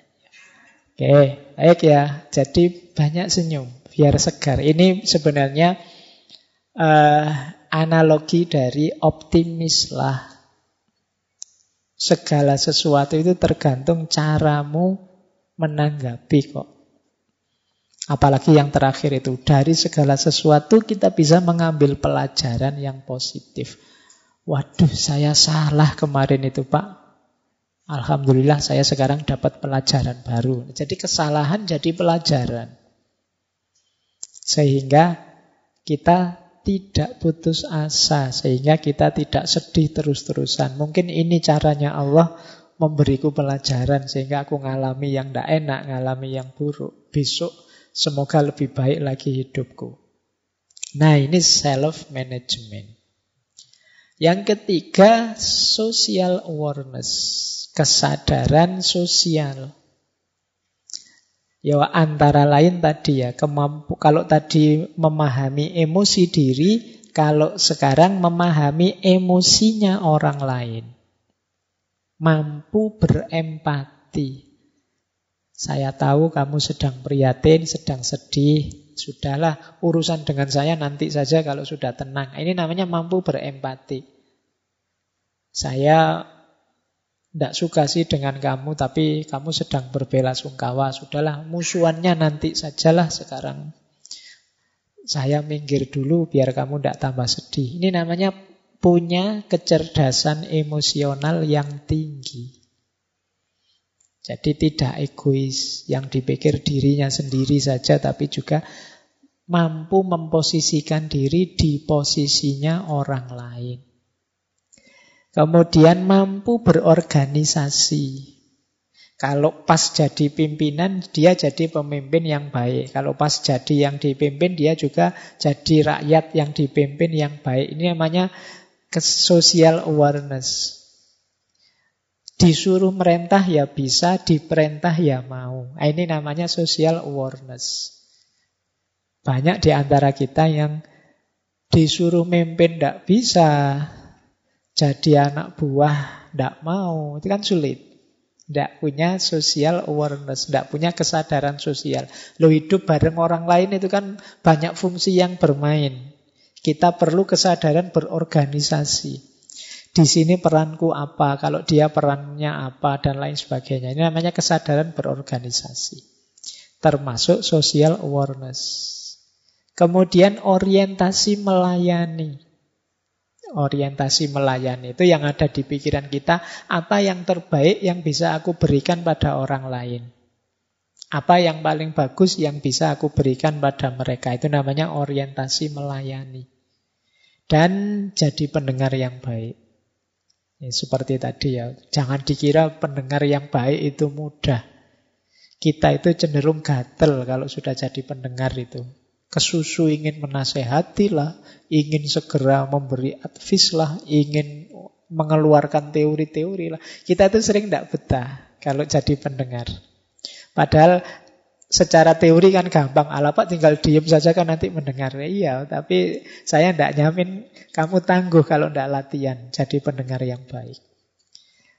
Nah, strateginya apa untuk kesadaran sosial ini?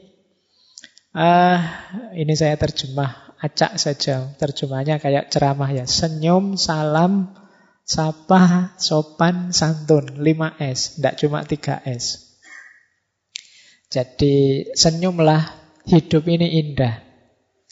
Salam dan sapa menunjukkan kita peduli pada orang lain.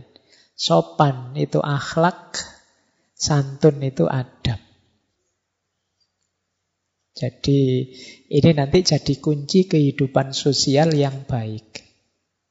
Pikiran yang optimis, kemudian wajah yang ceria, kemudian diri yang mudah bergaul, salam, sapa itu simbol kepedulian, akhlaknya hidup, adabnya jalan.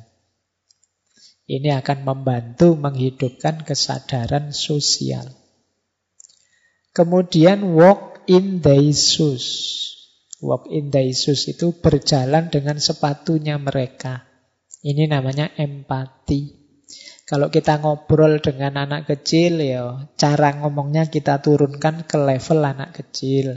Ngobrol dengan orang tua ya sesuai dengan tataran orang tua. Itu namanya walk in their shoes. Itu bagian dari empati.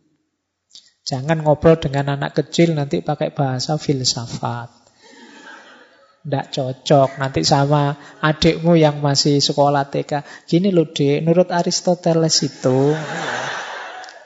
Ya mereka tidak ngangkat. Jadi harus walk in their shoes. Jadi biar ngerti sesuai dengan level mereka. Ini termasuk kemampuan sosial kesadaran sosial.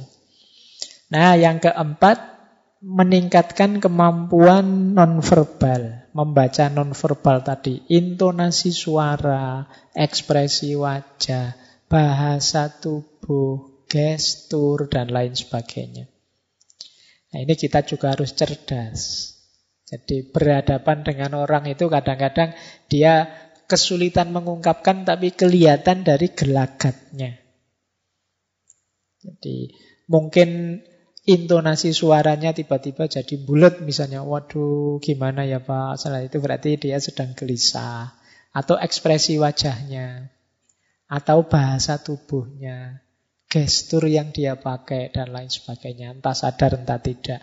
Nah itu kalau kita cerdas di sini ya berarti kemampuan emosional kita lumayan. Karena dia bagian dari kesadaran sosial. Baik. Nah, ini yang keempat. Skill dari kecerdasan emosional yaitu relationship management. Jadi meng, mampu mengatur, memanage hubungan dengan siapa saja. Tidak hanya harus dengan istri atau dengan anak atau dengan pacar, dengan siapa saja. Cirinya empat. Yang pertama mampu menjalin hubungan. Banyak orang yang sulit menjalin hubungan. Banyak orang yang mau kenalan saja bulat sampai semester tiga baru kenalan. Itu berarti dia sulit menjalin hubungan dilirik-lirik terus nggak berani nyopo, nggak berani nah itu berarti sulit menjalin hubungan. Sementara temennya yang lain itu hari pertama sudah kenal nama-nama temennya sak kelas. Nah, itu berarti dia punya kemampuan relationship management yang bagus. Ada orang yang sulit, ada orang yang mudah. Tapi seperti saya bilang tadi, ini bukan harga mati. Jadi setiap orang bisa kok kalau memang ingin. Pak, saya ingin jadi orang yang ramah apa bisa ya Pak? Bisa. Saya ingin jadi orang yang mudah dikenal, mudah dekat dengan orang lain. Bisa. Nah yang kedua mampu menemukan dasar yang sama dan membangun kebersamaan. Jadi biasanya orang itu suka melihat aku dan kamu bedanya apa. Tapi orang yang punya kemampuan relationship management itu justru lebih melihat samanya apa. Wah kita sama-sama senang ngaji filsafat nih. Meskipun nanti mungkin di medsos gegeran lagi. Tapi kan ada yang dilihat dasar yang sama. Jadi kalau Bhinneka Tunggal Ika itu yang difokusi yang ikanya jadi, wah sama-sama orang Jogja. Meleset orang Jogjanya ya, ah kita sama-sama Muslim. Meleset Muslimnya, ah kita sama-sama Indonesia kok. Meleset Indonesianya, ah kita sama-sama warga dunia. Meleset warga dunianya, kita sama-sama manusia. Meleset manusia, ya kita makhluknya Allah semua lah ya. Jadi ini ini namanya kesadaran membangun kebersamaan. Jadi selalu ada alasan untuk kita hidup bersama saling rukun. Cuma memang orang itu biasanya lebih suka mencari basis yang berbeda. Wah, kamu pro kubu sana ya? Berarti musuhku ini. Nah, terus begitu. Hari ini kan logika kita selalu begitu. Tidak, wah kamu pro kubu sana ya, tidak apa-apalah. Yang penting kan kita masih sama-sama Indonesia. Kubu sana juga Indonesia. Nah ini namanya kemampuan menjalin hubungan dengan dasar yang sama. Lebih fokus melihat samanya. Wah kamu alirannya itu ya, ah tidak apa-apa, sama-sama Muslim kok kita. Sama-sama Indonesianya kok kita. Nah ini namanya kemampuan menemukan dasar yang sama. Kemudian persuasif. Jadi persuasif ini biasanya lawannya agresif. Agresif itu ingin menguasai, ingin mendominasi, ingin menang-menangan. Tapi kalau persuasif, ya saling mempengaruhi dalam kebaikan dengan cara yang baik. Kadang-kadang diartikan membujuk, merayu, itu kan persuasi. Jadi karakter orang yang bagus, manajemen hubungannya itu persuasif. Jadi mendorong orang, membangkitkan orang tanpa harus mendominasi, tanpa harus memaksa, tanpa harus menyerang. Kemudian komitmen, dedikasi, dan melayani. Jadi hidup bersama itu kan biasanya kan ada kesepakatan-kesepakatan bersama. Ada keinginan bersama, cita-cita bersama. Nah, orang yang canggih pengaturan emosinya itu mampu berkomitmen. Jadi, wah ini urusan bareng-bareng kita bersama. Tidak apa-apalah saya sedikit berkorban. Yang penting keinginan kita bersama tercapai. Ini namanya komitmen. Kemudian dedikasi. Dedikasi itu yang mempersembahkan diri. Untuk demi kebersamaan. Nyambung dengan melayani tadi. Nah, strateginya jujur, terbuka, memahami. Jadi kalau kita jujur itu enak. Orang tahu apa yang kita inginkan, apa yang kita sukai atau tidak kita sukai. Kemudian terbuka. Orang terbuka itu enak karena dia masih bisa diajak ngobrol, dia masih bisa diajak diskusi, dia masih bisa saling menasehati. Karena kalau orang sudah tertutup, mengklaim dirinya yang paling benar, paling tinggi, paling baik, paling bagus, dia tidak akan bisa saling dengan kita. Dia pasti inginnya dia lebih tinggi, kita di bawahnya. Kalau sudah seperti ini ya sulit untuk membangun hubungan yang baik. Makanya ada hadis yang menyatakan kita harus menolong saudara kita baik yang zolim atau yang madlum. Zolim ini ingin berposisi di atas. Madlum itu yang memposisikan dirinya di bawah. Dua-duanya harus kita tolong. Karena relasi yang zolim dan madlum ini relasi yang tidak sehat. Bahkan relasi yang uh, tabrakan dengan semangat tauhid. Jadi terbuka dan mau memahami. Mau menerima kritik, mau ngaku, mau memperbaiki kalau salah. Itu kan enak. Kita punya teman dikritik tidak marah, Kalau pas salah ya dia ngaku, begitu sadar salah dia siap memperbaiki. Kita lebih senang teman yang seperti ini daripada teman yang mungkin pinter tapi ingin menang terus, ingin unggul terus, tidak mau disalahkan. Maka kembangkanlah mental ini kalau ingin jadi pribadi yang menyenangkan, disukai. Jadi sadari bahwa kita itu ya banyak kelemahan. Terima kasih masih ada teman yang mengingatkan. Kemudian akui kalau kita memang salah dan siap memperbaiki. Nah ini strategi kedua. Yang ketiga, mengakui yang dirasakan orang lain. Ini bagian dari empati tadi. Kalau ada teman curhat bilang saya sedih, oh iya, tidak apa-apa, yang sabar. Ya ini namanya menerima dan mengakui yang dirasakan oleh orang lain.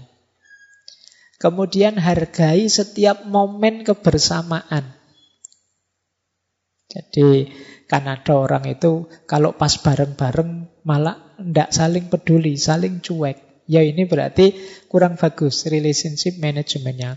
Lama tidak ketemu, begitu ketemu gimana kabarnya? Baik terus sudah. Yang satu pegang HP ngadep sana, satu pegang HP ngadep sana. Nah, berarti momen yang sebenarnya berharga tapi jadinya tidak dihargai. Wah, kok sudah waktunya kita berpisah ya padahal baru saja ketemu. Eh, sejak tadi sebenarnya wong yo tadi cuma ngelihat HP-nya terus. Jadi tidak menghargai kebersamaan. Kemudian tidak pelit. Oh, ya, teman kalau pelit itu sudah kiamat itu sudah. Pelit apa saja? Ada teman pelit waktu misalnya, diajak apa saja tidak bisa. Yuk jalan-jalan, yuk wah tidak bisa nih aku ada acara ini. Yuk anu yuk tidak bisa saya ada tugas. Jadi pelit waktu, meluangkan waktu sebentar untuk kita saja tidak mau. Apalagi pelit uang. Pinjem dong sedikit. Oh susah nyarinya kamu tinggal pinjem. ya. Jadi tidak enak ya kalau punya teman terlalu pelit. Atau pelit tenaga. Suruh bantu-bantu tidak mau. Wah, urusan-urusanmu sendiri kok aku yang capek misalnya. Nah, kalau ingin jadi pribadi yang menarik, yang cerdas secara emosi ya, mari latihan untuk tidak pelit. Ini sebenarnya pelajaran dari kurban. Ini besok kan kita mau berkorban. Dunia ini masih tetap tertib, aman, enak, nyaman karena banyak orang yang masih mau berkorban.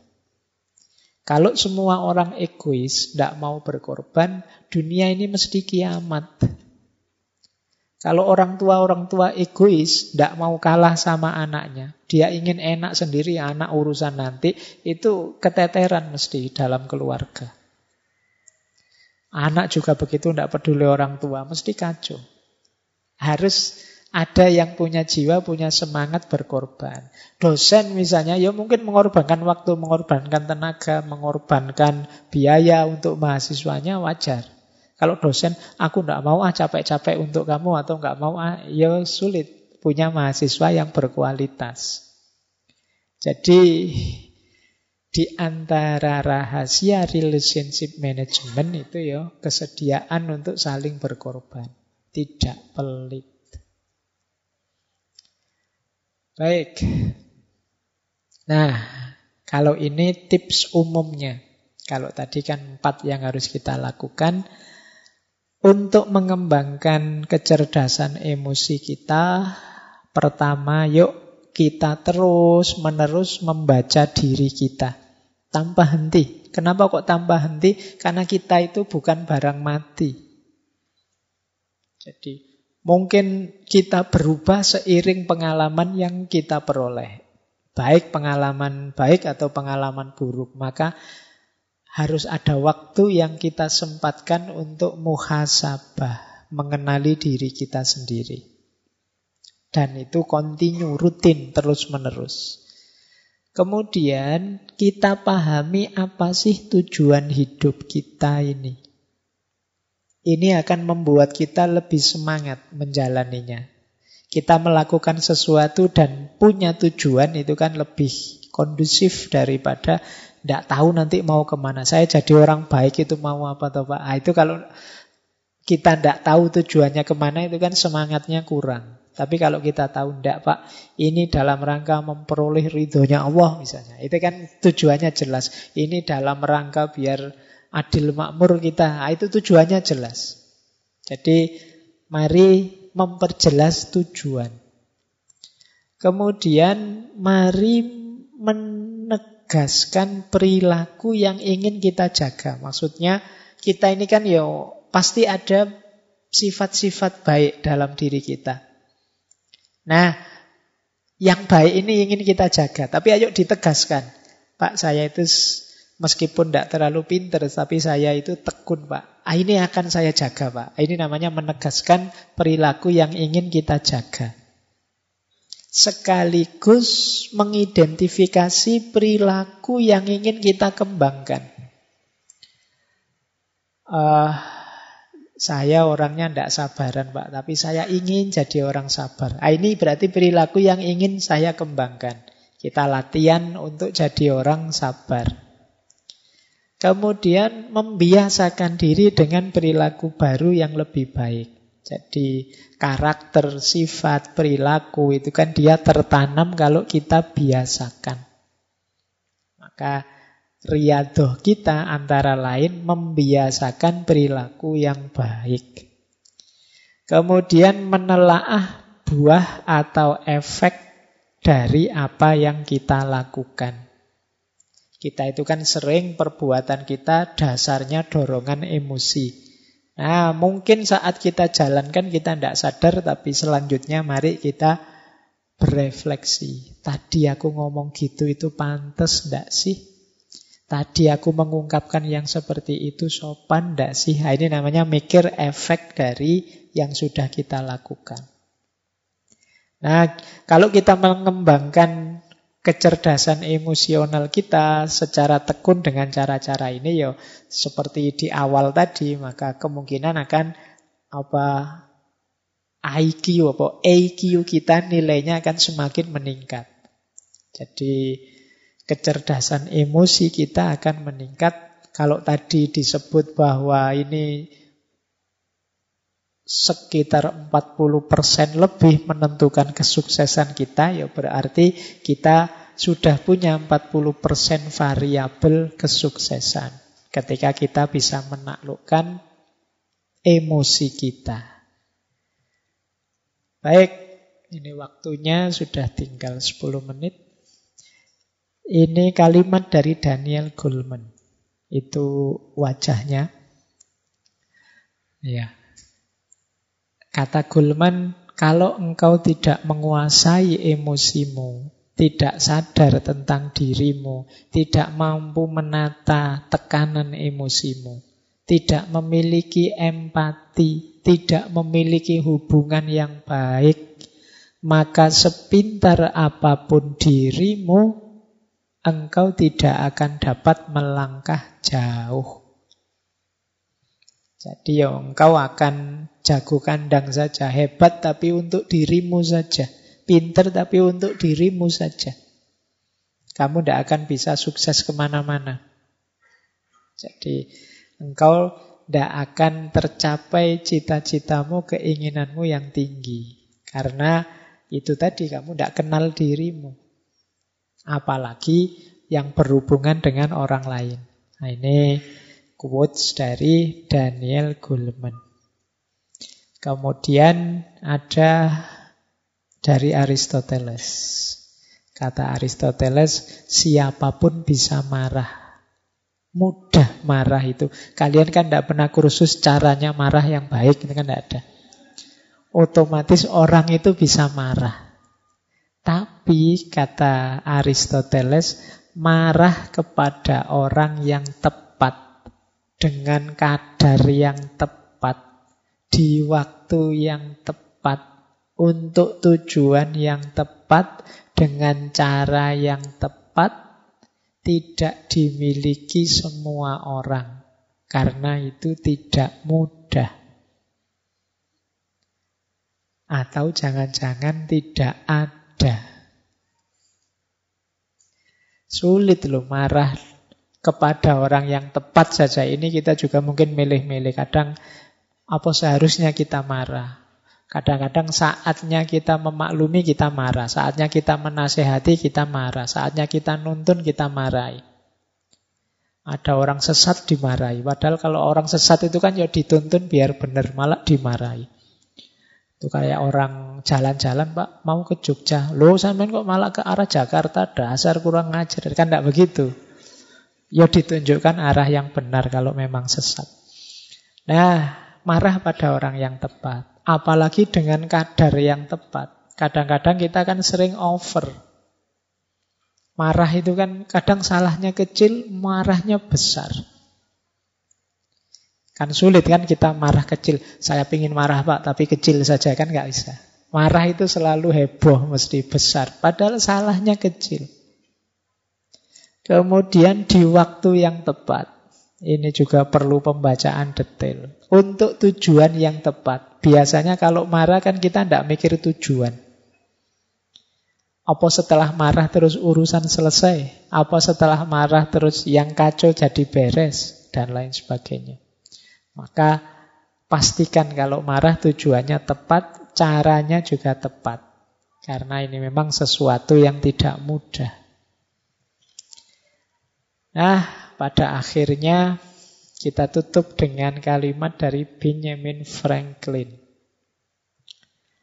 Apa pun yang dimulai dengan kemarahan akan berakhir dalam rasa malu. Jadi orang marah pikirannya tidak jernih. Maka tadi ya kecerdasan emosi itu mix antara emosi dengan pikiran, dengan akal yang jalan. Marah itu menandakan emosinya tidak terkontrol. Biasanya malu.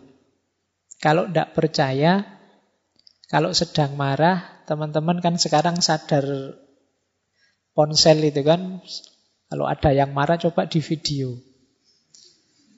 Ya. Terus ditonton. Jarang orang, wah cakep banget ya aku pas marah, kan jarang begitu mesti. Mesti nganggep pas marah mesti jelek.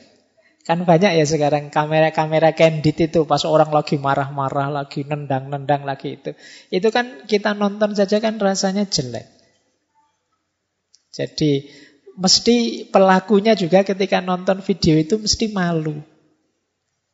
Jadi kemarahan itu segala yang dimulai dengan kemarahan akan berakhir dengan rasa malu.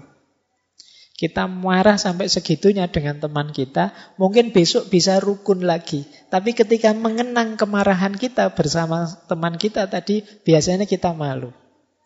Iya ya, sekarang kita rukun dulu saya sampai kayak gitu marahnya. Kamu sih misalnya. Tapi kan kita malu. Kita lepas kontrol sampai marah. Maka emotional quotient, kecerdasan emosi ini penting untuk kita hidup sukses, hidup nyaman. Bahkan ada yang bilang sampai 80%, ada yang nulis sampai 85%. Unsur kesuksesan kita terletak pada kecerdasan emosi ini.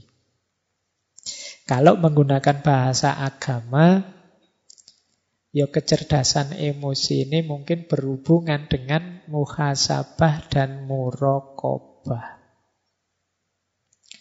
Muhasabah itu kemampuan kita menyadari diri, membaca diri, menata diri. Kalau murokobah itu apa pun yang kita lakukan jangan lupa kita selalu diawasi oleh Allah. Jadi jangan sembarangan. Jadi laksanakan segalanya sesuai dosis dan porsinya. Karena Allah selalu melihat, jangan sampai kita malu di hadapan Allah. Nah ini kesadaran murokobah namanya. Jadi kalau kita ada di tataran muhasabah dan murokobah ini, insya Allah kecerdasan emosi kita akan terjamin perilaku kita lahir dan batin lebih tertata. Baik, saya kira itu teman-teman sudah jam 10 untuk materi malam hari ini. Insya Allah minggu depan kita lanjutkan lebih dalam lagi yaitu kecerdasan spiritual. Saya akhiri sekian, kurang lebihnya mohon maaf. Wallahul muwafiq, wallahu a'lamu bisawab. Wassalamualaikum warahmatullahi wabarakatuh.